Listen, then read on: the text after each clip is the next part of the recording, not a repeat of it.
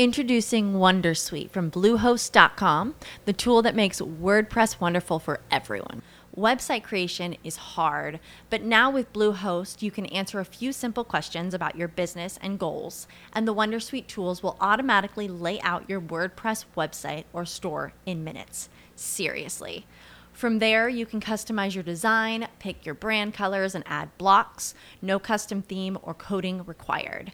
You'll get content suggestions that you can keep or revise, and with Yoast SEO built in, we automatically help you get found in search engines.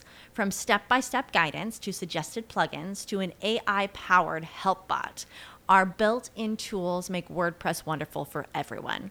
Maybe that's why Bluehost has been recommended by WordPress.org since 2005. Whether you're a beginner or a pro, you can join over 2 million Bluehost users. Go to bluehost.com slash Wondersuite. That's bluehost.com slash Wondersuite. To jest podcast System Trader, odcinek 32, a w nim o tym, jak profesjonaliści wykorzystują anomalię momentum w długoterminowych strategiach. Zapraszam. Interesujesz się inwestowaniem na rynkach kapitałowych? Szukasz swojego sposobu na oszczędzanie i pomnażanie pieniędzy? Zastanawiasz się, jak postawić swoje pierwsze kroki na giełdzie? Ponadto fakty, mity, wywiady i ciekawostki ze świata finansów. To i wiele więcej usłyszysz w podcaście System Trader. Zaprasza Jacek Lempart. W kilku ostatnich odcinkach wspominałem o strategii, która zwróciła uwagę niektórych z Was, ponieważ jej logika jest bardzo prosta, a przy tym generowane zyski są bardzo atrakcyjne.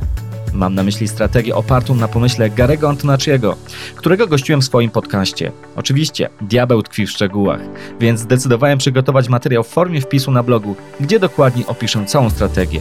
Dziś natomiast mam dla Was odcinek, w którym rozmawiam z profesjonalnymi, licencjonowanymi inwestorami w Stanach Zjednoczonych, zarządzającymi portfelami liczonymi w grubych milionach dolarów. To, co ich łączy, to wykorzystywanie podobnych metod inwestycyjnych, opartych właśnie na pomyśle Garego Antonaciego.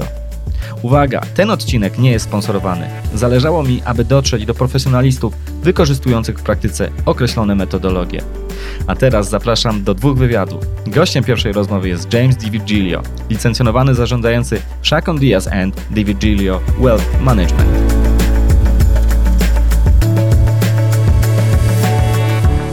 Hello, James. Thank you very much for being here with me. Could you please introduce yourself and talk a, a bit about your trading career? Uh, thanks for having me. My name is James D. DiVirgilio, and I have been uh, working as an investor now for 12 years. I started with a Wall Street Bank first, and then started my own firm uh, three years after beginning my career. And, and since then, I've moved through a couple of different investment strategies. Uh, and now, currently, I'm at the most active strategy uh, that I've used during my career, previously coming from more of an asset allocation portfolio management background. All right. You are, as I, as far as I know, a fiduciary. So, uh, could you please talk a bit about who is fiduciary, and is there any certificate proving that you are fiduciary? Here in the United States, there's the Investment Advisors Act of 1940, which requires you to become an investment advisor representative, which is in fact the fiduciary law uh, the reason that gets a little tricky is you can be an investment advisor representative, but if you work for a brokerage firm like a Merrill Lynch or a Morgan Stanley, you cannot be a fiduciary. So you have to both have your firm be a fiduciary and yourself be a fiduciary. It's not very clear at all for clients here in the US as to who is and who isn't. Uh, but the answer is yes, you do have to be under that act. And then you also have to wind up being working for an independent firm that is not a broker. So there's several things that have to be accomplished in order to be a fiduciary all the time for a client. All right, thank you. But why then not everyone is acting as a fiduciary if as I suppose it's good for the client from the client perspective. So not why not everyone is acting as a fiduciary? That's certainly best for the client. Uh, you, you want to have someone who is your legal guardian, who's looking out for your best interests at all times. The reason this is not best for the majority of financial practitioners is really quite simple. They don't want the liability. That's a high, high standard of proof and burden to know that what you're doing in all matters financially is best for someone. And the majority of people in the finance world come from a sales background or are salespeople or work for a firm that does not want to have their advisors at risk of doing something that is so stringent uh, under the law. And so the real answer just comes down to liability. They don't want that kind of responsibility, which, in my opinion, leads me to believe that you really shouldn't want someone as your advisor unless they're willing to take on such a liability. Uh, but here in the States, again, the large majority of people assume that their financial advisor is a fiduciary when in fact just one in 10 are. Uh, and so that's a major, major problem here. And it's something that's not going to get cleaned up anytime soon because the Wall Street banks are fantastic at obfuscating who is and who is not a fiduciary. Okay. Uh, how you make a profit for yourself as a fiduciary then? Well, you're really a consultant, so it's the same way any consultant would make would make a profit. You wind up charging the client directly for advice or access to advice, and that could be through a flat fee or assets under management. Uh, but the key really is that your fee needs to be uh, good for the client as well as good for uh, good for the firm. It needs to be fair, it needs to be objective. You're not going to charge a commission. You're not going to be incented to charge transactions. You're not going to have a performance fee. Performance fees are generally actually pretty terrible when it comes to a fiduciary setup because they incent the advisor to do the wrong thing. Uh, so for us, you know, we wind up really choosing one flat fee per year uh, based upon the assets per management. And that covers everything that we would handle in a wealth management engagement. So therefore, there's no incentive to buy something, sell something, do something different. Uh, we're free to do whatever we want, however we want, and then we just directly collect that consulting fee from the client. Okay. Uh, from the customer's point of view, what's the main difference between you and a hedge fund, for example? Because hedge funds typically they get much more for management fees than you. Uh, and why is that? I mean, why are people still going, for example, to hedge funds if you can provide similar solutions as I guess, but at a lower price? Well, that's a great question. Uh, we're different from a hedge fund primarily because we have a financial planning arm in our firm. Of course, hedge funds won't do that. They're strictly asset managers. But if we're just focusing on the investment management side, if you want to get simple with it, we're really not different from a hedge fund at all. And that's what you're getting at. Both of us are managing money according to a, a verified investment strategy. We follow that strategy rigidly and we do it for every client invested in the firm. So there's no difference when it comes to that. I think the simple answer to your question has to do with marketing. Hedge funds in this country have underperformed for a long, long time. Uh, there's been a plethora of academic studies that will prove so conclusively. The large majority of hedge fund strategies are not strategies that are repeatable in the long term, and, and you know the minority of hedge funds that do well, their returns get eaten up as soon as that strategy is, is sort of over or solved, which tends to last not very long. So I think the answer is just marketing. You know, if you're if you're wealthy enough, getting into a hedge fund is almost a rite of passage. It's something people look for. It, it's sexy, if you will, at times. But uh, as Warren Buffett tends to like to rail on them for, uh, they're really just an investment strategy like anything else, but they're still kind of benefiting from this image they've had. And I think that's probably the most direct answer to your question is it's it's way more style over substance. There's not really a difference. The goal should be to get yourself into the best investment strategy as an investor, regardless of where that is. And certainly just housing something in a hedge fund does not make it uh, better than than one that's not. Okay, let's talk about the investment strategies. Are you taking any investment decisions on a discretionary basis, or everything you do is purely systematic, algorithmic? Uh, let me, yeah, and that's that's a great question, and let me separate discretionary in my world from discretionary, which you're talking about, just for clarity purposes. So, our firm trades entirely on a discretionary basis, which just means that we have the authority to act on behalf of our clients, so we can place the trades for them that would be obvious for any hedge fund as well. Uh, but to your question, no, we are not using discretionary uh, items or, or, management techniques to make these decisions. Everything is entirely systematic, uh, following a rules based strategy. Okay, but the orders are transmitted manually or also automatically by the computers? Everything is automated, or it's just the decision process automated, but the orders are transmitted by human beings? Yes, that. So we'll go ahead and transmit the orders whenever a trade needs to be done. Process is automated, and the order is done in a bulk trade. And so everything is, you know, it's a combination manual and automatic, I suppose. There's a few buttons to press. Everything is set up on a rules based system on our side. And then those buttons send that to the trade desk in a bulk trade where you wind up making one trade. But uh, for all practical purposes, there's still a human pressing that button. Okay. Um, but do you think that rule based systematic trading approach or investing approach is easier to be correctly and uh, let's say successfully applied than a discretionary approach. What's the main reason that you have decided to go for fully systematic approach? Maybe you should further define the difference. I'm not sure that i'm correctly uh, understanding what you're trying to get me to splice out so further define that for me. I mean i'm just meaning that your decisions, your um, signals, either to buy or sell anything, comes from from a strategy, which is basically an algorithm. So this is how you work. But my my question is because there are also traders who are taking decisions on a discretionary mm, basis, let's say. So they are not having a very strict algorithm. They just you know they have some feeling whether the market will go up or down and based on that they are taking the final decisions. But in your case there is no guessing. I mean the algorithm says you to buy or sell and you just follow the strategy. So do you think that between these two approaches uh, one is better than the other or what what is your uh, opinion here? Oh absolutely. Yeah there's there's no doubt academically and this has been studied you know over the past 80 years really rather conclusively that a human emotion is is your enemy when it comes to trading. And this is true of anything. I'm a huge proponent of game theory. I love studying game theory. And in reality, right, your goal is to remove human emotion from decision making as much as possible. That's not to say emotions can't be helpful in life, but when it comes to making logic based decisions, uh, you're trying to create a system based upon the truth. And when you find that truth, when you find the probability of this action being better than this other action, the last thing you want is for your own emotion to come in and cloud those decisions. So if you've done your work well, up front, uh, then you're able to create an algorithm, which is really just a set of rules, correct, that you've made based upon observations and what you think to be true in the world around you. And you do not want to compromise that with your own emotional feeling or, or however things may be going or not going, uh, which tend to get exacerbated when markets are either higher or lower than they otherwise would be. And that's the most important time to follow your rules. So, yeah, I would assume that in any strategy you're using, uh, it's going to be much better to wind up relying on a rules based system that's created based upon data and observation than it would be in any kind of gut feeling or, or anything that's uh, up to interpretation. Okay, thank you for that.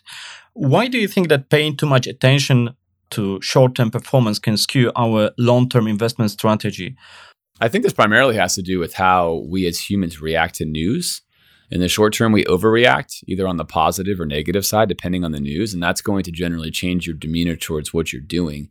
So if the if the markets take a dive over two or three or four day period, humans tend to see patterns in things, and they also tend to see that things are going to be worse than they really will be. And that's going to complicate your long term results because you're going to wind up making a lot of bad short term decisions.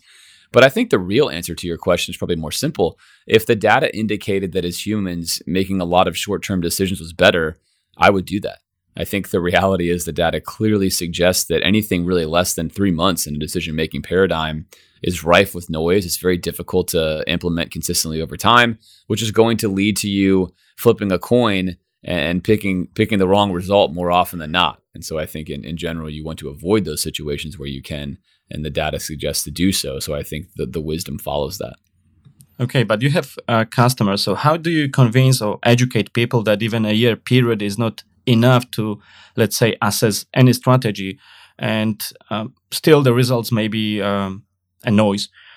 Actually, the full bull to bear market uh, cycle market gives us more information about the strategy quality, but it's you if you are educated that you know that it works this way but how you convince people that they have to be more patient that's the prime job i think of any any good investment manager and maybe convincing is a strong word i think we try to allow them to choose uh, to learn uh, about what is true and not true in the world around us. And you certainly can't convince someone to feel comfortable with something, but we spend a lot of time up front with our clients. I'll go through an hour long, really, it's a lecture I give here at the local university in my town.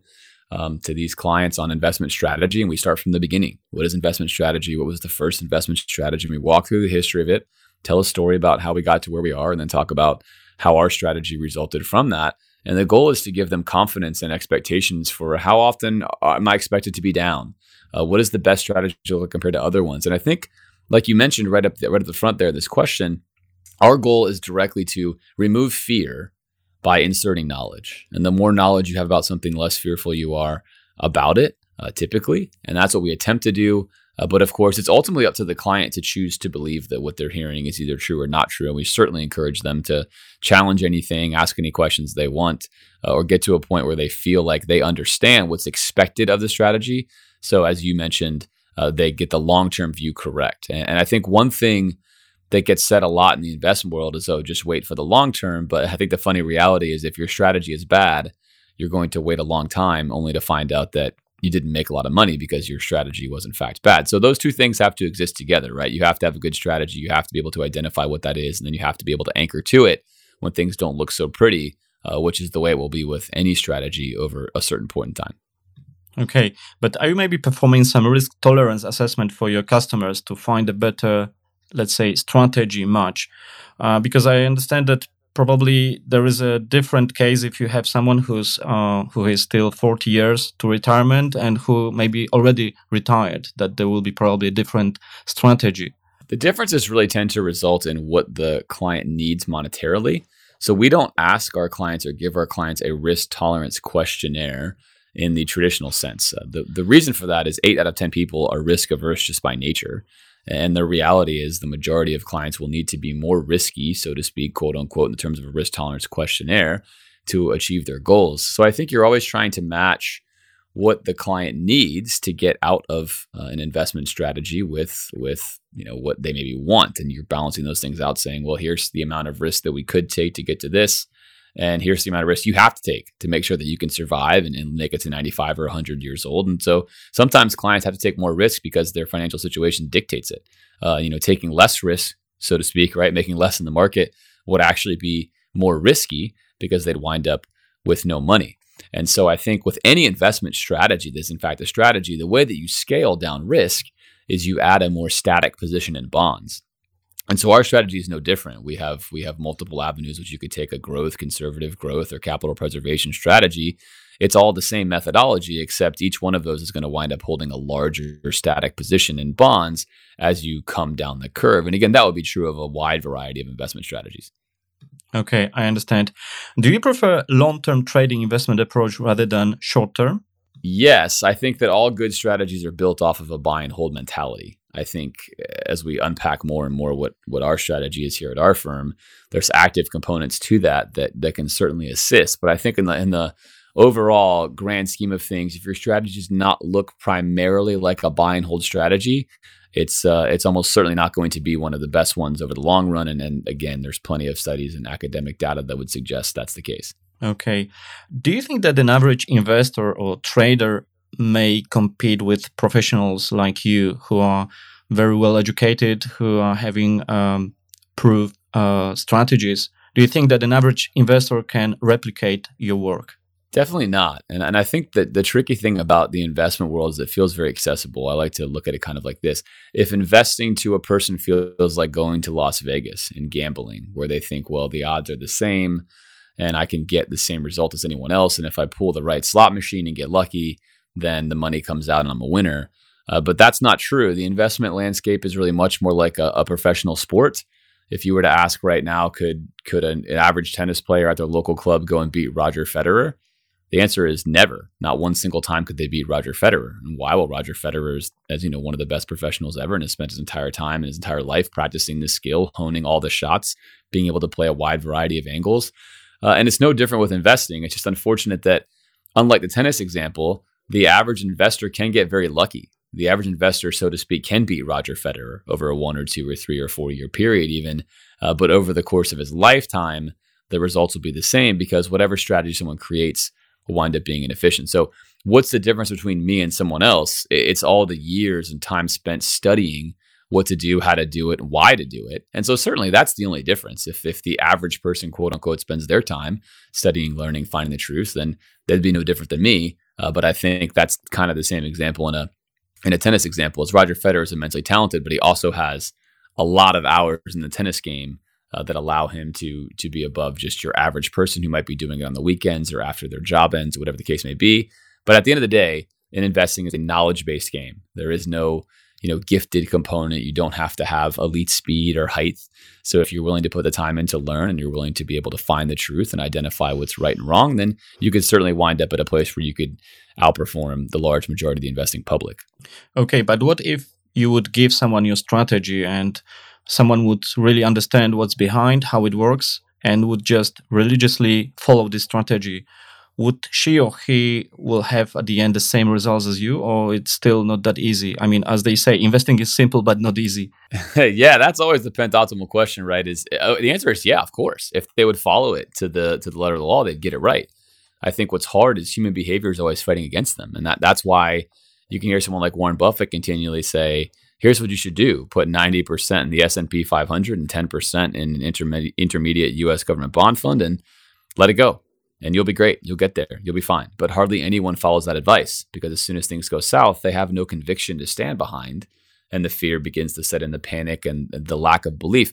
But to your point if you perfectly trusted somebody, if I perfectly trusted you and didn't know a thing about investment management, and I said, he knows what he's doing, I, I trust him with everything, I'm going to follow exactly the program he gave me, then yes, I would get the same exact result as you. But that human behavior component is a massive component. And I think that's the problem uh, that people have when they're following other people's excellent strategies is they themselves don't have the conviction to know why that's a good strategy. And that's what makes it difficult for them. Uh, but it's just what you said. It's simple, but it's not easy. Okay, so let's talk about the strategy in more details, how it looks inside. As far as I know, you are probably the only financial advisory firm in the world using so called dual momentum as your investment strategy. And it's basically entirely using this strategy. What got you interested in momentum and dual momentum in particular? And could you please tell us a bit more about this strategy? Well, momentum is something that you're taught right out of school or in grad school, depending on the program you go to. And it's an anomaly and it's something that's taught to you as being there and persistent, but you can't identify it. You cannot create a mathematical formula to quantify it. And so it sort of just hangs over your head when you're studying investment strategy. And then for us, our journey really was we spent we spent the majority of our time as a firm as what you consider a multiple asset class investor or an endowment fund style investor, where you spread your assets over a variety of asset classes, and then from there, uh, you wind up creating your investment strategy depending on the level of risk that you're taking for the client. And that's very very standard, of course, across a lot of fiduciary firms.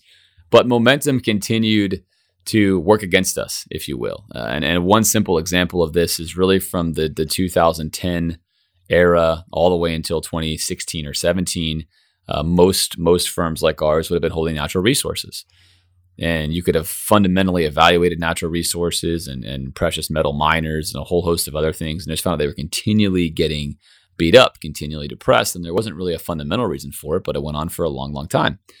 And at that point in time, it's momentum working against you. And you begin to say, well, how much is human behavior really affecting my portfolio? And those timelines just so happen to coincide where in 2012, you get a lot of new work on momentum because a second type of momentum, absolute momentum, gets discovered.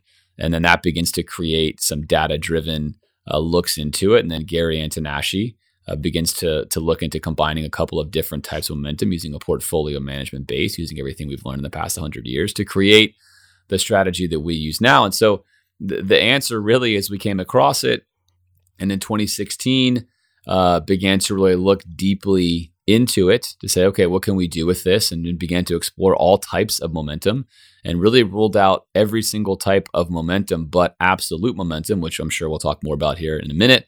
And then that led us ultimately to Gary's work, uh, which we then began to spend a year trying to refute, could not refute it, and said this is something we feel comfortable as being a prudent and wise strategy for our clients as a fiduciary for the long term.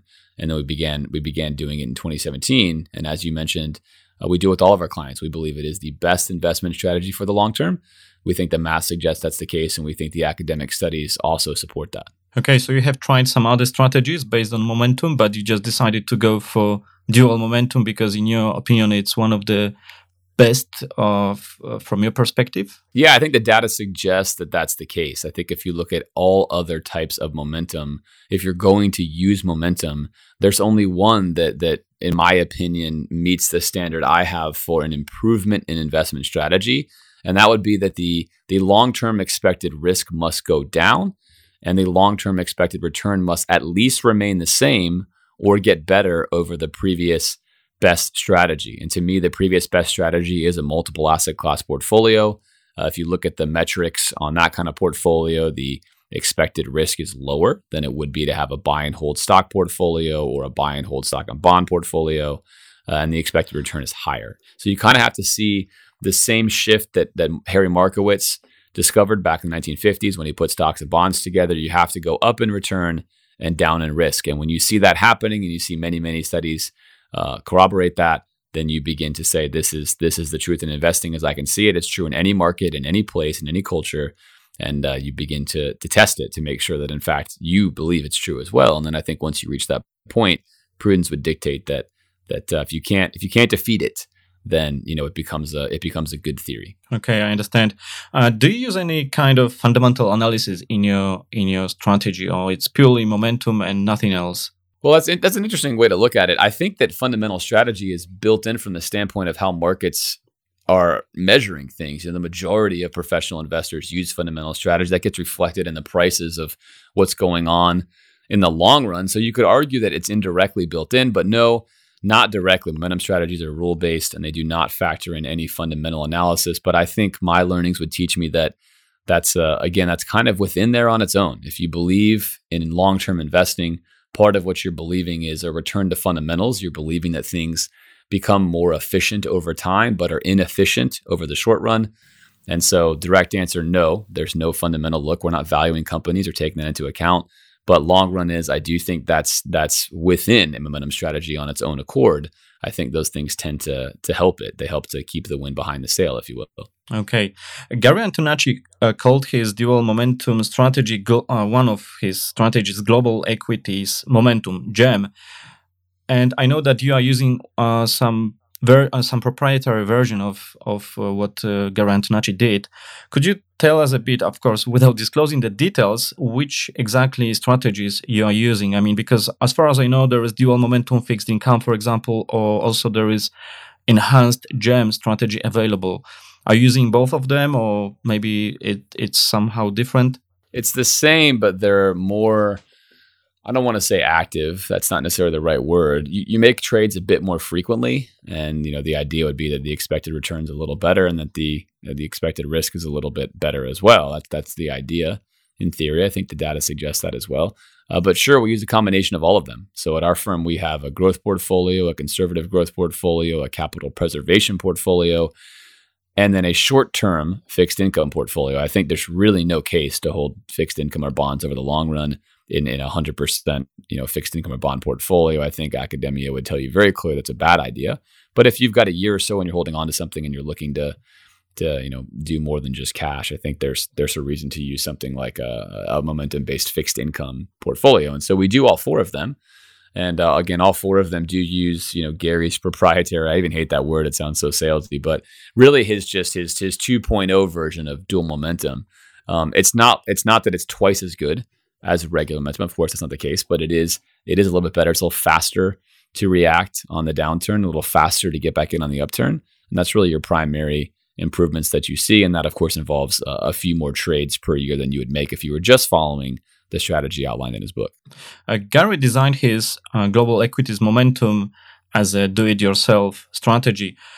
Could you please explain why someone would still invest with you instead on her his own. I mean, we talked about uh, we talked about this a bit already, but do you think that uh, it's so easy that someone could just take um, GEM strategy and just follow the the rules and and trade on on their own? They certainly can. In fact, when I lecture at the University of Florida, I lecture to the students all the time about if you're coming out and you're interested in investing and you feel like you're able to learn enough to have some conviction behind this strategy, here's here's what I would do. I would do this, and then I'll scale it down. If that's not how you want to be, and you want to set it and forget it and never look at it again, then you know use a multiple asset class portfolio and build it this way.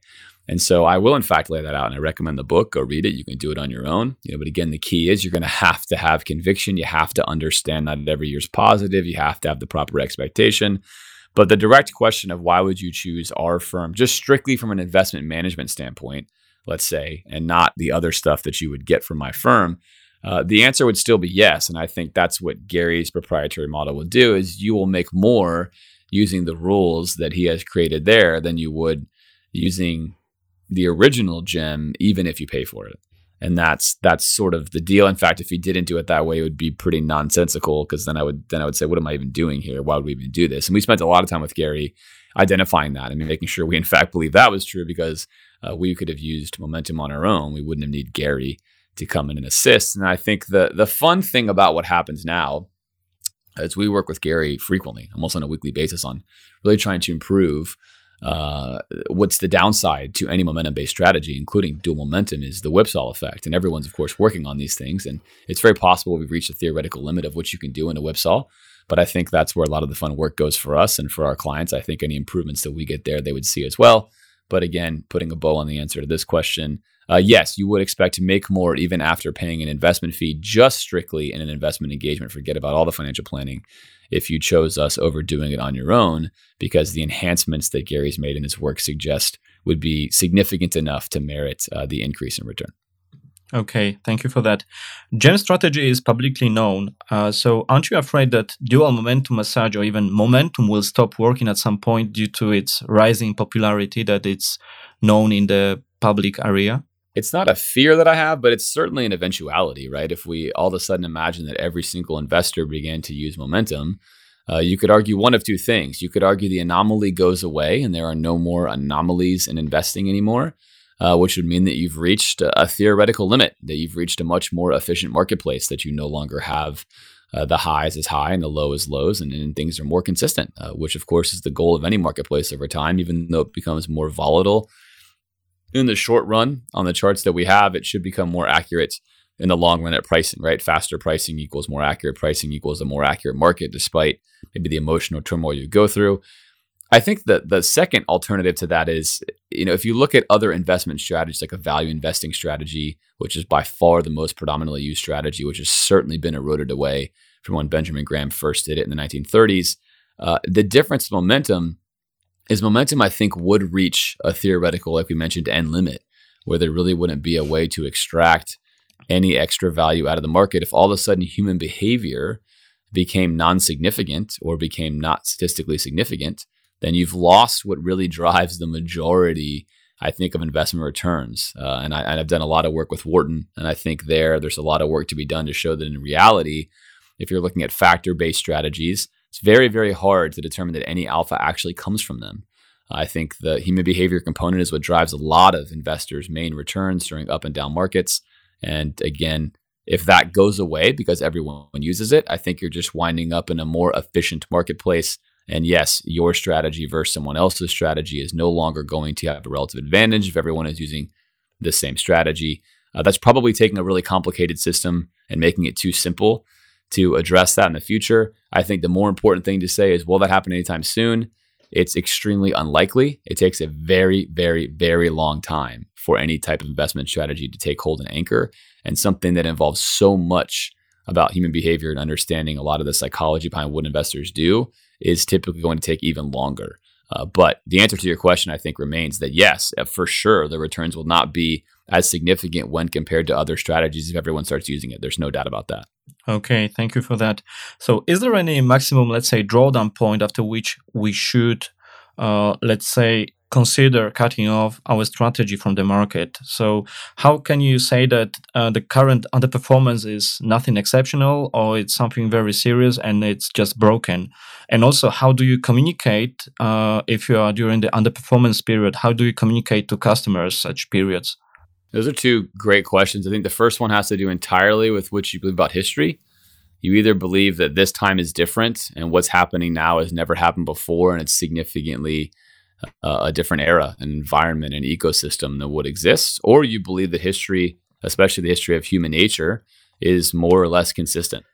And therefore, your investment strategy works because it's based upon human behavior and history and, and what goes on consistently, and that's unchanging. And if you believe the latter, uh, then you're then you're convinced that this time is not different, although the situation will look different, but it's not the end of the strategy when situation XYZ occurs that causes a whipsaw or a downturn or whatever the case may be. And you have to have that faith, right? There's faith in any investment strategy, no matter how much I can talk about what the data says and what things suggest and what we know to be true. It's not black and white. It's not two plus two equals four. I cannot give you a mathematical formula that says if you invest this way, this is how much you will get over this period of time exactly. It doesn't work that way. So there's always an element of faith that has to come with implementing any investment strategy. And I think it's it's no different with dual momentum. Uh, and then I think when you zoom out on it and you say, how do how do you encourage clients to understand this? You constantly talk about what you expect. At our firm, we're very very consistent, saying, you know, one out of every ten years or so, uh, and as many as three, so one to three years out of ten will be negative. That's to be expected. That's a normal consideration. Then you compare that to other investment strategies and you say, if you're choosing this one or this one or this one, you'll expect to have even more down years. So this one does a better job mitigating those. then you go on down the curve. You know, two to three will be average, uh, two will be good, and then two will be exceptional. And that's what your 10 year period looks like. We have no idea when those will come and how they will come. And then on the subject of drawdowns, uh, dual momentum has the best case scenario when compared to other strategies on the downside. So if you look at just an all stock portfolio, uh, you're expected in your worst case scenario to lose somewhere around, you know, 51, 52%. That's what history would tell you is your worst case scenario. In a dual momentum based portfolio, you know, the worst observed period you would have is down 17 and a half or so percent. That's a huge reduction in risk. Uh, and the question then just becomes a question of faith. If I'm down 17.5%, do I still believe my strategy works? or is this time different? And for me, I don't believe this time is different. I think that if you have a proper strategy, that's to be expected. Uh, and you have to remain convicted that what you're doing works because of all the data underlying it, because of all the things you believe and hold true with. And that's really where the rubber meets the road for any investor is if you abandon your strategy uh, then then you no longer believe that it does work, and you do believe this time is different, which of course is is sometimes true, and that's the trick, right? Is sometimes this time is different. The strategy you're using was not a good one, and I think that's what makes investing so difficult. Right, I understand. Thank you for that. So paradoxically, do you think that the underperformance period is an excellent opportunity to increase our capital rather than to withdraw some money? I mean, to add some new capital, some new money, hoping that it will just uh, revert to the um, to the mean, so it will just perform better shortly. So that's the best moment to increase our capital, our investment. Absolutely. If you believe in your strategy, that's exactly what you want to do. If you're a buy and hold investor and you think values are depressed, now's the time to buy cheap, right? That's Warren Buffett. If you're a momentum based investor and you've reached the bottom of your drawdown and you believe in mean reversion, that's absolutely the best time to wind up putting more in. Same difference, same situation. And that's that's an investment truth I think, regardless of your strategies, if you think your strategy is correct and accurate and it winds up being at the bottom of it, then you know it's the old saying: "There's there's no place to go but up," uh, which means that'd be one of the best places to employ capital, without a doubt. Yeah, I had once here in my interview uh, Tom Basso, he's a trend follower, and he said when he was running his fund, it was the opposite. People were withdrawing money just in the worst possible period, just when there was a drawdown Whereas it it could be much better if they would uh, behave in the opposite way that they could just increase uh, their investment during the drawdowns. But it's not that easy from the psychological point of view. Um, you, if if if we would talk about the trading, the momentum strategy, um, what personality traits do you think you have to have to be a successful momentum investor or systematic investor? I think to follow any rules based trading program, you have to be somebody who believes that wealth is built brick by brick, so to speak. The wealth is built consistently and slowly over time. You know, what's the big difference between me and someone you could interview that's an actual, you know, day-to-day trader is the day-to-day trader knows they're gambling and their goal is to have a high exit point to get it right and to get out of the game while they're way ahead. Uh, whereas someone like me says, I want to build wealth consistently brick by brick, prudently over time in a strategy that I believe the data suggests works the best and will continue to work the best. And so it really depends on what kind of foundation you're building. And I think if you're going to be a momentum investor and you're going to believe that human behavior is a is a predominant driver, you have to be somebody who's really interested in studying human behavior and understanding how we think and and why we think what we think. And to me, it's always been fascinating. I think it's extremely interesting that really until the 1980s, uh, behavioral scientists didn't even exist. Science thought that humans were entirely rational and that every decision we made was in our own best interest. And of course, uh, that's just not true. And now we know this to be completely not true. In fact, the majority of books written on behavioral psychology now are to refute such notions. And those fit really nicely hand in hand with momentum. And, and the story you just told is a momentum story of your friend who says the majority or a large piece of his clients they want to pull out when things are difficult that just furthers why I am a momentum investor because that lines up. That's what people do. And therefore, you want to be taking that into account into your strategy. If you know that's what human behavior says people do, game theory would suggest you should pay attention to that. And then you should do the opposite, right? That's information you can use. And I think that's really the beauty of momentum is it is it it takes that factor into account more so than any other strategy does. Okay, thank you for that. Very interesting. So I have last question here. Uh, how should we approach the model backtesting to avoid curve fitting pitfall? Because as we know, the problem, the main problem with algorithmic approach is that it's just a matter of data, let's say, torturing to get a good backtest result. So why, for example, you are convinced that your strategy, dual momentum, is not a victim of curve fitting? I think that is a great question because the large majority of articles that are written, even now, on strategies that try to improve upon dual momentum are really based upon curve fitting or data torturing or a wide variety of other fun statistical names we could use, uh, where people are just fitting something to get a better result, which of course is not true. I think, like all good science, you have to have a control period. You have to have an in sample and out of sample period to verify your findings. And if you're not doing that, then you have no way to know if what you're doing actually worked in a different period. Thankfully, now we have enough data. Uh, depending on what kind of investor you are, you could go back even further than this. But in the momentum world, you can go back to 1950, uh, where you have, you know, I think a, a, marketplace that resembles today's world. You could invest all over the world. You have ET, you have you know indexes that are measurable, and you can look at the data and say, let me test my strategy from, you know, 2000 to today, and then let me take take what I think exists in the in sample period and then apply it to a, uh, the 50 years before and see how that works without me ever seeing that data. Uh, and of course, that's just the very beginning. That's an oversimplification of what's done. But I think the answer is Gary's work uh, expressly has not been curve fit and uh, has not been has not been manipulated in a way that is just a back test model, and that's been tested out by you know the large majority of academic institutions in this country that people really really trust, you know, Harvard, Stanford, Yale, etc. Uh, in fact, the most studied investment phenomenon right now is momentum, and that's for good reason. So there's plenty of PhDs that are out there trying to discover exactly what makes it tick, how to improve upon it, or is this even a real thing, right? And that's good science. So I think the short answer to that question, and to really to really circle all the themes of today, is good science dictates that you don't just find something and torture test it until it, it gets what you want. You have to have a thesis. You have to test that thesis using an in sample and out of sample period. And that's the only way to figure out if what you're onto is actually something real. And then you have to ask yourself maybe the most important question, which is what do I believe about the world? Is the world that we've lived in for the past 70 or 80 or 100 years fundamentally different from the world we're going to be living in?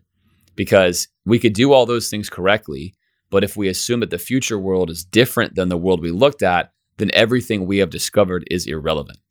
Now that's not my take on it, but certainly that's the great debate between human philosophy is which which side of the fence are you on in that debate? And that will largely dictate how you invest and also how you live your life. Okay, very interesting. Thank you for that. Luckily, even Eugene Fama accepts momentum as an anomaly, so that's very positive, I think. James, thank you very much for your time and uh, great value you shared with us today. Is there anything else you would like to add before we will finish today's podcast? Oh, thanks for having me. I think that uh, your show is a wonderful example of searching for the truth, searching for the investment truth, and I think that the the quest of asking questions, like we've done today, is really the goal of any investor. Ask questions, keep asking questions, keep searching for the answers.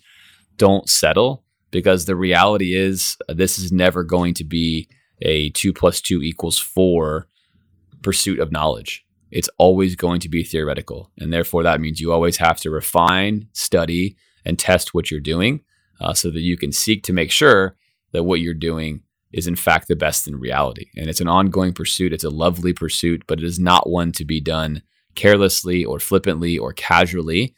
Uh, I think that's what winds up getting people into trouble. I fully agree with you.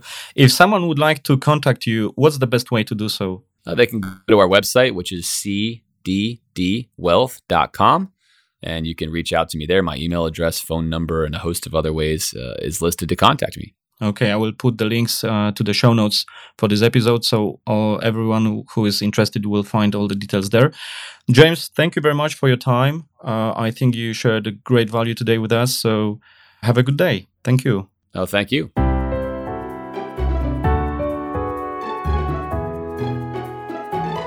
Był wywiad z Jamesem D. Virgilio. A teraz zapraszam do drugiej części tego odcinka, w którym Dan Korth, licencjonowany zarządzający z Lily Wealth Management, podzieli się swoją wiedzą i doświadczeniem w zakresie strategii długoterminowych. Zapraszam. Hello Dan, could you please introduce yourself and tell us a bit about your investment and your trading career? Sure, sure. So my name is Dan Korth, and I'm senior managing partner of Lily Wealth Management, and uh, we started back in 1989. I received my first license and uh, started using tactical management. Uh, doing the research that we had back then, there was a uh, more limitations in what was available in research uh, with tactical management back in 2000. But um, we did find a firm that was uh, had a track record from the previous bear market and had made money in that bear market. So uh, we gave credibility to them for that purpose, and we learned a very valuable lesson back in uh, 2001 uh, that if you use hypothetical uh, track records that are not real track records uh, and back tested, that sometimes you get in trouble. And uh, so, so, we we learned a valuable lesson uh, back then, and and by 2002 we had rotated into a, another tactical seasonal strategy, and we did really well. We either made or lost our clients 2% in a year where the S&P lost about 22 23%. So um, that kind of started our our uh, existence in the tactical risk management space, and uh, uh, we've been at it since then. Okay, thank you for that. So let's talk a bit more about asset allocation and tactical money management. Could you please tell us a bit more about what kind of strategies you use? I mean, what is their characteristic? Are they, for example, short or long term? Are they, for example, systematic, meaning that you're just following a mechanical system strategy? Well, we uh, so our clients sign a risk management agreement, uh, which gives us discretion to uh, trade strategies, but the strategies that we use are all uh, systematic. They're all uh, process quantitative, process driven strategies, and we follow those processes uh, to the nth degree. We do not deviate in any way, shape, or form uh, from a proven process. We we feel that if you you do your homework up front and you dive into the weeds and look at the pluses and the minuses of a strategy, and there is no perfect strategy out there, then uh, we feel then there you're less likely to have surprises down the road and that resonates with us. So we we talk with our clients oftentimes in very generic terms of offense and defense. People tend to understand that. So we use multiple strategies with diversified offenses and we use multiple strategies with diversified defenses and we feel that's a good combination because no one strategy will always be the leader all the time and we're very realistic about that we go way out of our way to explain that to our clients and educate that uh, process and that point with, with our clients. And, and for the most part, people know that up front with us. We're, we're, we're very uh, focused in our tactical risk management process, and, and it doesn't resonate for everybody, and that's okay. Uh, but okay. for us, we feel if we can avoid the major drawdowns, then we don't need to pick up everything that the market has to offer on the upside. At the end of the day, we'll have a bigger pile of money because we have avoided those major drawdowns. That's our goal, and uh, and at the end of the day, that allows people to have more income down the road in retirement, and uh, that's what we strive for. Okay, thank you, Dan. Um, and do you use any value investing, any fundamental analysis in your investment process? we have multiple strategies that we run, and uh, we don't really rely on fundamental analysis on its own. We do have um, one research uh, process that we use when when people come to us with a stock individual stock portfolio, and uh, we discuss, you know, why did you buy these stocks? What was the goal of these individual holdings? And and um, in that process, we we do actually uh, take a look at what institutional money managers are doing uh, with those individual stocks and we look at some fundamental analysis. There's five factors fundamentally that we look at, and then there's five factors, uh, uh five elements, I should say, not factors, but rather elements of of uh, technical analysis that we look at, um, and then we look at sentiment. And uh, there are five relevant pieces of research in the sentiment space that we look at. And so we combine all of that information to determine hey, based on what institutional money is doing, uh, what should you be doing uh, with that stock? So, in that sense, we use some fundamental analysis, but really it's more to um, help people look at the timing of their of of uh, their current positions into uh, maybe rotating into something that has more offense and defense both to again avoid those major drawdowns that you experience with individual companies and individual stocks. Okay. Um, dan i found on your website that you wrote that hypothetical and back-tested strategies are irrelevant because they have not been tested in the real world how do you then make sure that the strategy you are following is working or will be working in the future? Or how to build your confidence, which is required in the investment process? Track records uh, is one way. So we have one strategy that has a 25 plus year track record. We have another strategy that has a 22 year track record. And we have another strategy that has a 17 year track record. And those are periods that are long enough to have experienced an up market, a down market, and a sideways market. Those are the three markets that we're going to experience over a lifetime. And so it, it, it gives us great confidence, although the past does not predict the future, but it gives us great confidence to be in strategies that are flexible, uh, that are tactical in nature, that can adjust to the markets. And uh, that's one way. And then another way is if you are using a back test, um, there's so much data mining that occurs, and there's and um, there are. I've met so many engineers that have reverse engineered other strategies and put a different name and a different label on it. And if you have a quantitative process that you can measure, and you have a process that can consistently work in an up market where you have higher highs and higher lows, or in a down market or in a sideways market, and you can back test it through all of those types of periods, then I think you have a uh, robust strategy that you can rely on, knowing that it's not going to be perfect, but knowing that it at least is something that you can measure, uh, is something that you can you can somewhat verify in this market environment, this is what it should do. And in this market environment, these are the types of drawdowns that you should expect. Then there are less surprises down the road. And, and you know, that's how we pursue and avoid strategies that are that are not proven or strategies that are not really truly back tested with full market cycles. Okay. And so what do you think about rule based? I mean, algorithmic or systematic trading approach, is it, in your opinion, easier to invest this way? I mean, to follow such strategy rather than to have an investment process which is purely based on a discretionary uh, decisions?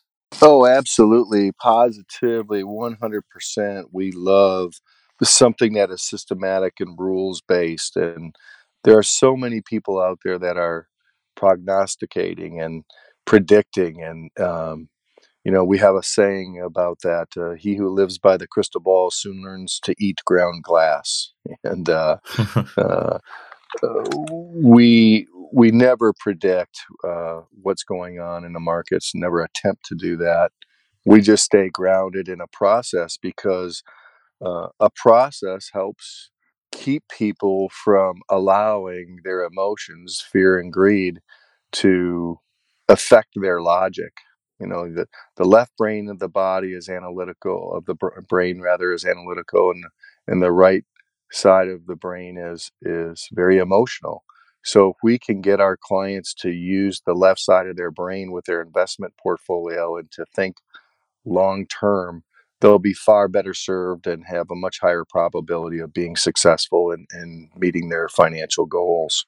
So I feel that if you have a process in place, I feel that if you understand the pluses and the minuses, and if you diversify uh, your offenses and your defenses, then over all market cycles, upward cycles, downward cycles, and sideways cycles, you'll be better served.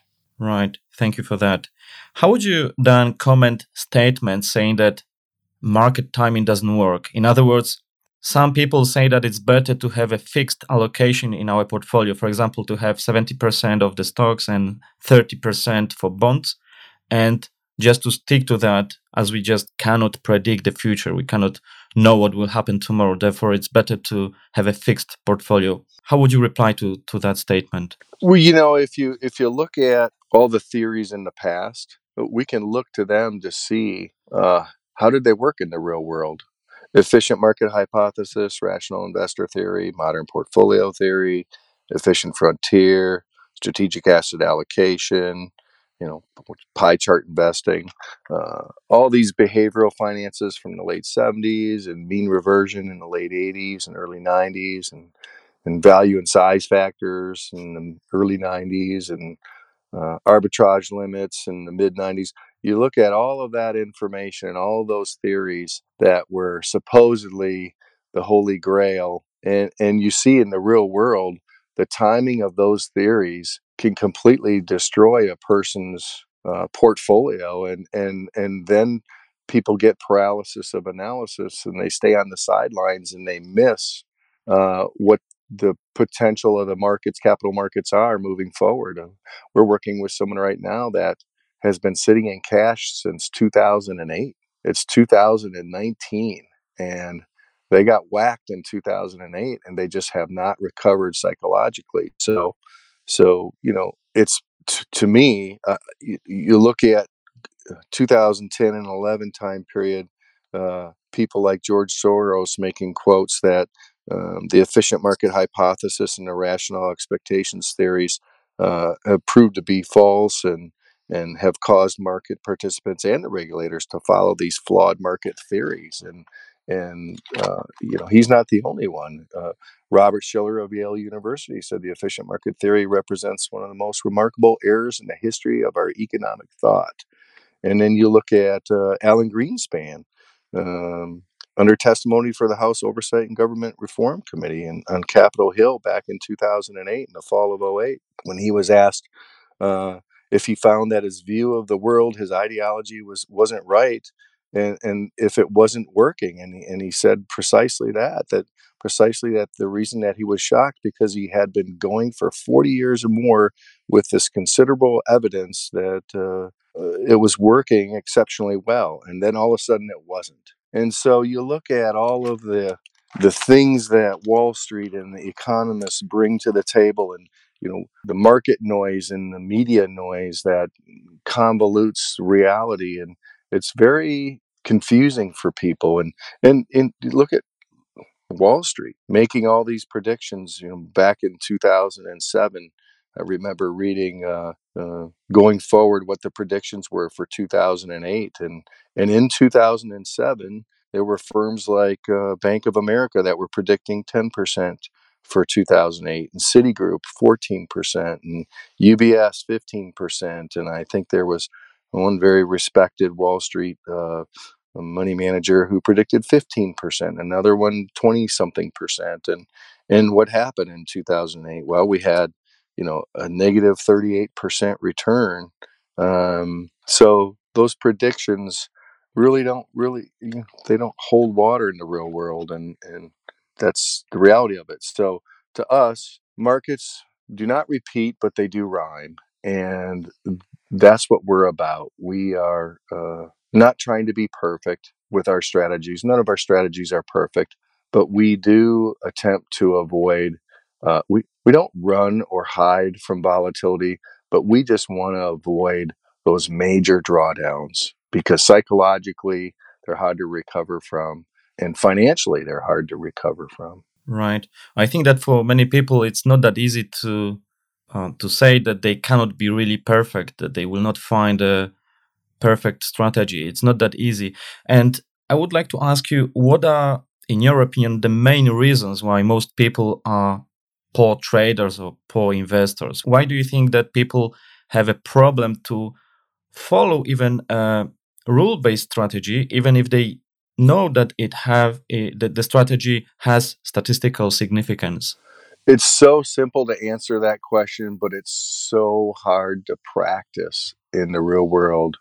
Uh, the answer, and the answer is fear and greed.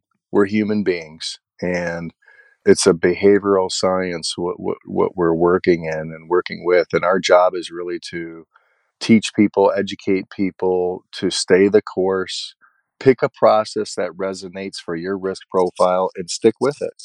And when you have market noise uh, in years like 2000, 2001, 2002, and years like 2008, and you have a lost decade, um, it's very easy to get derailed. And uh, that's what we, you know, we focus on keeping people. We try and avoid the major volatility so that people don't have to make those hard emotional choices.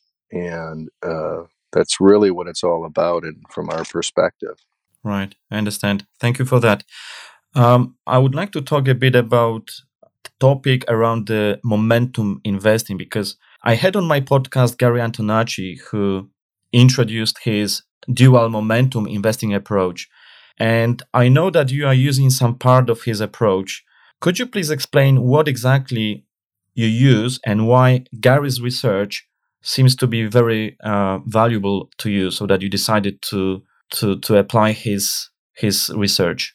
Well, so what we use, uh, there's a conservative and a balanced and a growth version. So GEM is the public version, uh, enhanced GEM is the growth proprietary, if you will, uh, version of GEM. So we run the eGEM, uh, so we call that global momentum growth, and then we run the balanced version of that and the conservative version of that. And so, um, you know, basically the conservative version, it's the same process, but it's a higher percentage in the fixed income aspect of of the portfolio.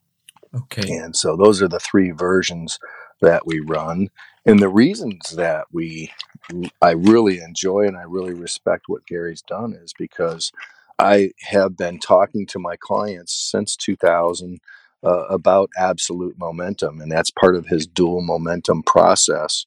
And um, so, the process being, you know, dual, meaning uh, relative uh, momentum or, or cross sectional as it's referred to, and then absolute momentum or time series as it's referred to. Those two momentums are, are what we're looking at and, and and it's really not that complicated and that's what I like about this strategy. It's it's easy to understand, it's easy to implement, and there will be periods where that strategy is going to lag the markets, and that's okay.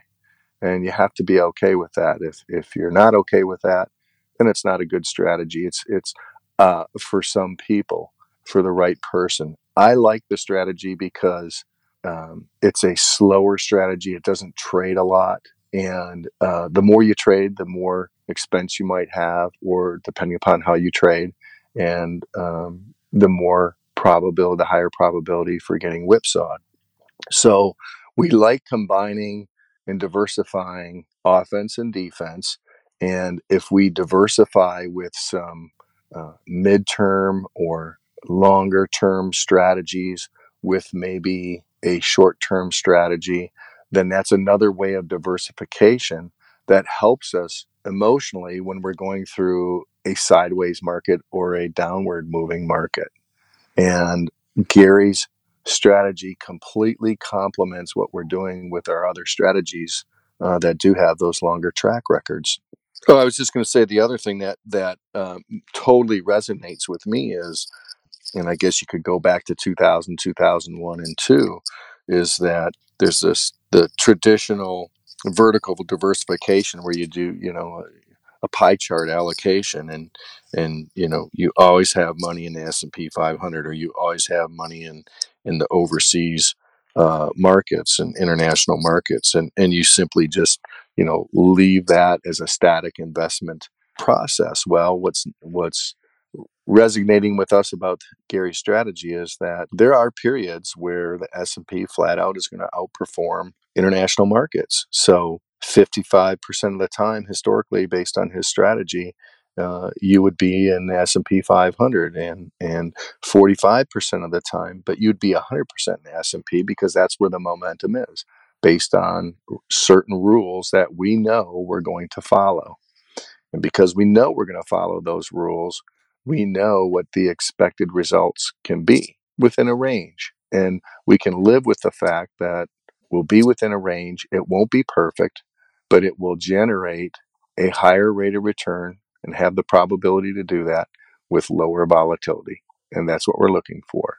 We can live with 10%, 12%, 15% drawdowns, but we don't want them to be much higher than that and then there's the periods where overseas markets do better than S&P 500 on a relative basis. So then we spend roughly 45% of the time in those markets. And uh, it just makes sense to me if you, if you look at, you know, pie chart investing in a you know, typical sample allocation where you have large cap growth and large cap blend and large cap value and you mix that in with some small cap growth and smaller percentages of mid cap blend and and some you know maybe 13 15% international and 10 15% bonds and 4% cash and that's static. Well you know that's what theories have told us we should do and and uh, if you look at from uh, 2000 to 2010 um, you know in a static portfolio like that large caps would end up with the majority of the bulk of the portfolio and you have a lost decade because in that time period, large caps lost on the growth side, in 24% in that decade, and and uh, large cap blends about 9%, and large cap value about 1%. But the mid caps earned 60%, and the small caps in that time period earned 53%. So you you you know you have that old traditional way of investing and and uh, and you just have so much of your money not being productive and uh, it's just not uh, it's not necessary from our perspective and we have you know we have research that would suggest uh, you know momentum investing is is uh, peaking and there's a lot of research right now being done on momentum investing and there are some momentum funds out there that have lagged since their inception and so that might hold people back from looking at momentum. But you also have to look at the time periods. How long have those funds been around? And and really, you need full market cycles to really determine uh, does this make sense or or doesn't it make sense. So to summarize, we could say that the dual momentum is a good response to the pie chart investing, the fixed allocation, right?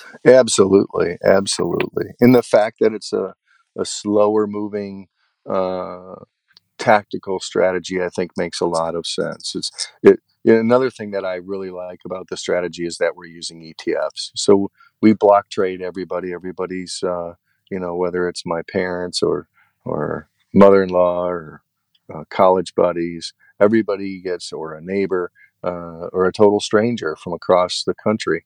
Everybody gets block traded, gets the same pricing on those ETFs. They're very inexpensive, and um, we like that about that strategy. We have other strategies in the junk bond space that do not use ETFs. Instead, have 25 years experience of using certain mutual fund money managers who have generated alpha long term and yield long term. And so, um, so we use mutual funds and other strategies. And so Gary's strategy complements that and diversifies us in another way by using ETFs versus mutual funds. And, and I like that. Right. And do you apply momentum on individual stocks or you apply it only on a broad market, which is parked into an ETF? Well, there's a lot of research that says we, you know, why complicate things? Just use, you know, be in the right asset allocation at the right time. And, you know, I live about a mile and a half from the Pacific Ocean and, and um, constantly telling people, you know, that tide out there is going to go up and that tide is going to go down. And when that tide goes up, it's going to rise all the ships up, even the real old ships and and and the brand new t- high tech ships. And when the tide goes down, all of those ships will also go down. And in mutual fund space and ETF space, same thing will happen. The markets will move up, but the better ETFs will move up further and uh, less productive ETFs will not move up as much. And when the markets move down, even the good ETFs and even the good mutual funds will move down. But we do like using just you know, use the asset classes. Uh, there's plenty of academic support uh, to suggest that it's not necessary to take individual company risk. Now, having said that, uh, we have created a, a Christian strategy uh, um, that does uh, use individual stocks, but we we do that, and um, so we look for momentum uh, in those stocks for that one particular strategy because we're working with um, some nonprofits and where people want a pure portfolio based on their their Christian beliefs.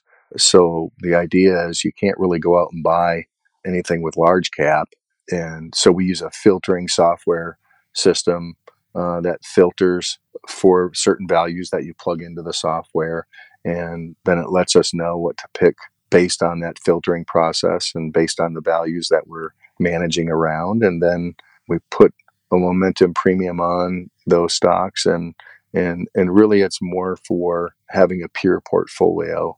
And then we put that's our offense on that strategy and then our defense on that strategy is some of the other uh, tactical strategies that we use outside of that Christian strategy.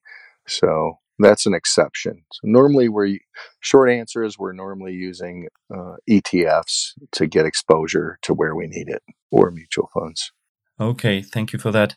For those who are maybe not so advanced, could you please shortly describe momentum anomaly in your own words? I mean, to try to explain also why it even works, because we see that it works, but could we explain why? Is there any explanation?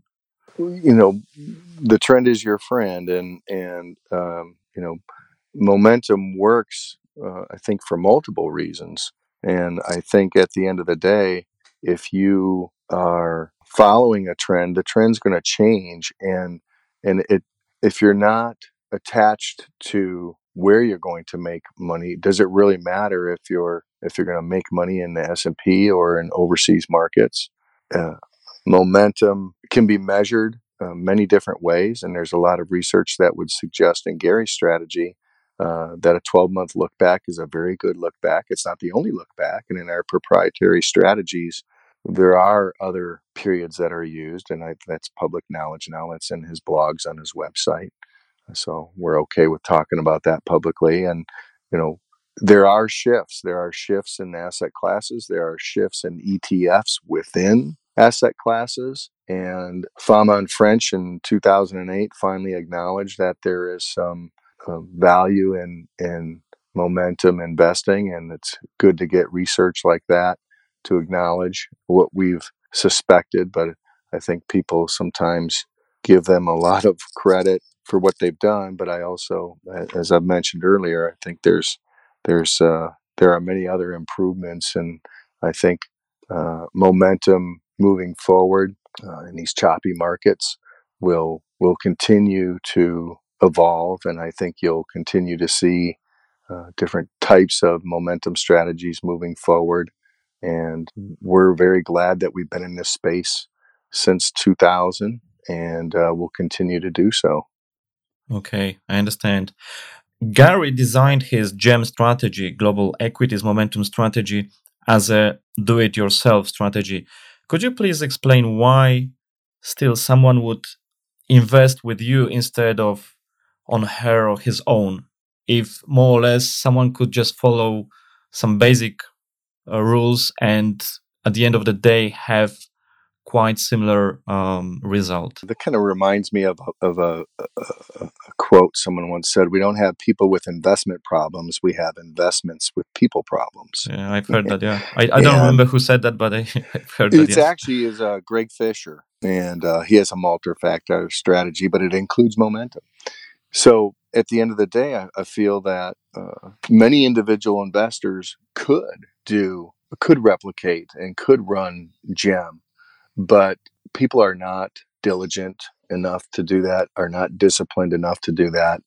And again, it comes back to fear and greed. You know, supply and demand moves the markets, but fear and greed move the markets to extremes. And people are just way too right brain oriented and way too reactionary and they don't follow a process and we're we're an instant gratification society and that's really unfortunate and that is really a problem when you're trying to reach financial goals. And if you if you switch your process every three five six years every investment cycle every 10 years then long term that's a recipe for failure. So you have to pick a process that resonates with you emotionally spiritually and you have to follow it and stick to it and that's easier said than done right i understand i wanted to ask you about trend following strategy, which is based on diversified futures portfolio. What do you think about such approach, and maybe do you maybe you are even using such approach in your in your portfolio? So we've looked at uh, futures uh, strategies many times over the last thirty years. Um, have entertained them, but just really when it comes down to it, they're just you know there's too much going on a lot of leverage, a lot of uh, volatility, and again, it doesn't make sense for us because we're trying to avoid those those huge drawdowns. But we have looked at tactical processes that involve futures contracts, and that's just not something I want to do with the general public. Right, I understand. It's not necessary, in my opinion. It's just not necessary, and, and most people won't stomach it it's definitely more complex in i mean on the practical ground to apply it even it really is and if you look at you know you look at hedge funds hedge funds that invest in esoteric investments and private equity investments and very complicated investments there's that survivorship risk and, and survivor premium that you pay for taking that risk on. You know when you have i remember oh gosh probably going back a decade ago reading an article about the survivor uh, premium and it and it ranged in different studies from 800 to 900 almost a, a, thousand basis points. When you include a hedge fund that doesn't survive versus the ones that do survive and you look at their their um, mean returns that's a lot you know 8 9 per 10% almost 10% uh, that you have to subtract out when you include the programs that work and the ones that don't survive and and that's a huge that's a lot of risk. It's just a ton of risk and and it just doesn't make sense to us. Right. And you know we're just the polar opposite of that and what we do works. Uh, we're using etfs we're using you know mutual funds in the junk bond space at times. And uh, we're we're totally transparent. Why take on all of that additional risk? It just doesn't make really good sense to us. Right, I understand. I want to ask you about a myopia problem because I found an interesting story described by Gary Antonacci on his website, I believe, which I think may be interesting in the context of your business as you're dealing with other people's money. Namely, one investor using dual momentum sent to Gary an email saying that his wife's account in some fund was outperforming his momentum account. So in response, he closed his account and invested uh, the same uh, in the same fund as his wife. And since then, the fund has declined more than 10%, while momentum has gone up almost the same amount. In other words, we tend to be myopic. How do you educate your clients so that they can understand whatever investment approach they select? I mean, in the perfect world, they should just relax and enjoy the journey as the uh, you know, Tom Basso says, enjoy the ride. How you educate, because it's easy if you say it if you are managing your own money, but you are managing other people's money. So it's not that easy then. Boy, isn't that the truth? It's it's you, you're so spot on. It's it's and Gary and I have talked it uh, multiple times about uh, clients that are uh, short term, short sighted, and and so one of the things that we've done is in our risk questionnaire profile. You know, you know, as a fiduciary, I can't really make any recommendations until a client fills out our risk questionnaire profile. And in our, and it's 20 questions, it's pretty straightforward. But there are two questions specifically in, in that profile that really give us a good indication of how open a person might be, a potential client, to tactical management. You know, how do you react to the markets when there's a, you know, drastic pullback? Do you buy more stock? Do you sell stock? You know, what do you do? Just do nothing. And so people, you know, answer these questions and it's a starting point uh, for us before they're even a client as a filtering process to make sure that we're on the same page and that if they are short sighted and myopic, then it comes up from our risk questionnaire profile. And I've had some people before we've decided, you know, that we were a fit where we've spent two and a half, three hours on our risk questionnaire, pro- on the answers of our risk questionnaire profiles because they're very analytical people. And that's not a bad thing. That's not a bad thing as long as you're analytical on a long time, long term perspective and a full market cycle perspective. Then, you know, then we have the potential to be successful together. And and if somebody is short-sighted and based on that risk profile we can filter that out in the beginning then we just agree to disagree that we're not a fit. And you know again we do run and we diversify again some short term some intermediate and but more me- intermediate and more long term trend following uh, strategies. But we, we you know we have a solution for somebody who is short term and because it has a 17 year track record and because when it does have drawdowns you know the the depth of the drawdowns is not as bad as the buy and hold markets and the duration of the drawdowns are not as bad as um, a, a, buy and hold uh, portfolio. So for that reason we could address that through our risk questionnaire profile with that strategy for that client. But you know my personal belief is that it's good to diversify with multiple strategies. And that's what we've done. We've created blended portfolios with these wonderful track records and these wonderful processes that are in place.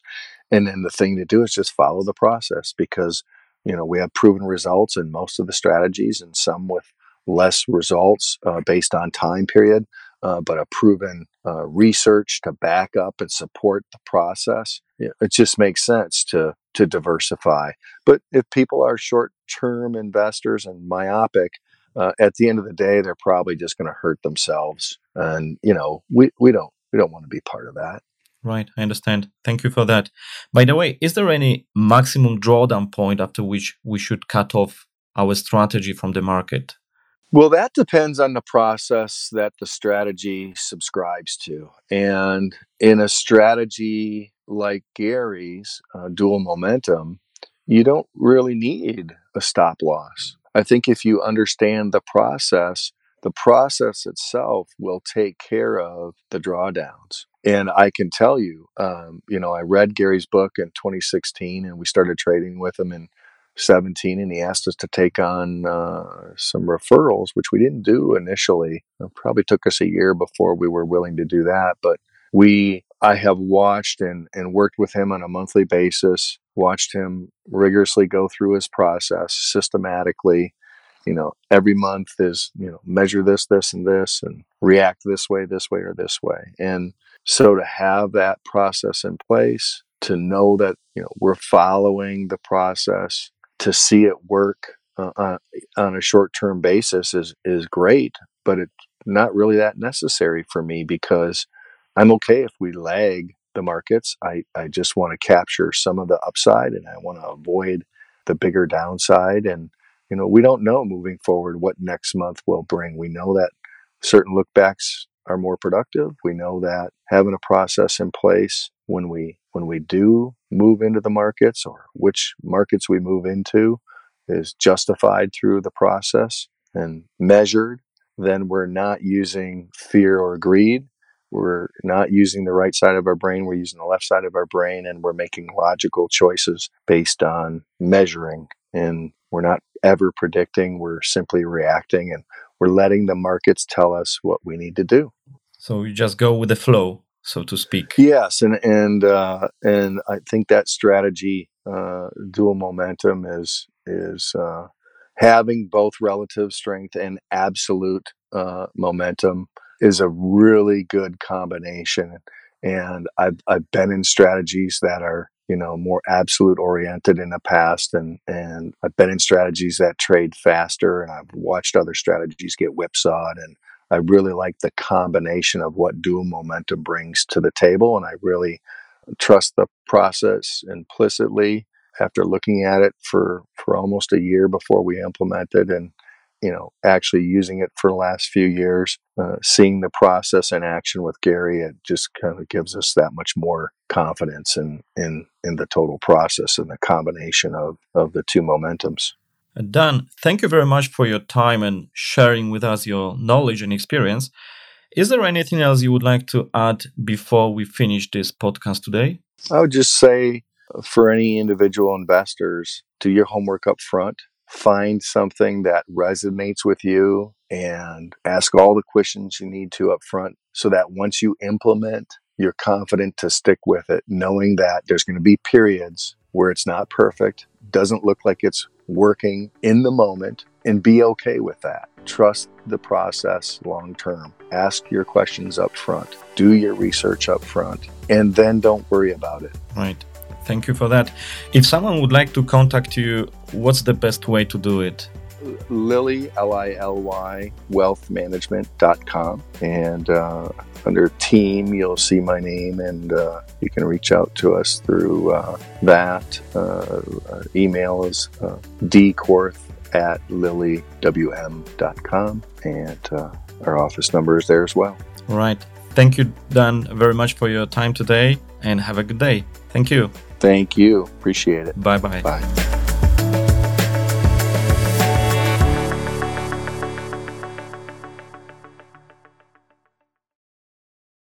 With the Lucky Land slots, you can get lucky just about anywhere. This is your captain speaking. Uh, we've got clear runway and the weather's fine, but we're just going to circle up here a while and uh, get lucky. No, no, nothing like that. It's just these cash prizes add up quick. So I suggest you sit back, keep your tray table upright, and start getting lucky. Play for free at LuckyLandSlots.com. Are you feeling lucky? No purchase necessary. Void where prohibited by law. 18 plus terms and conditions apply. See website for details.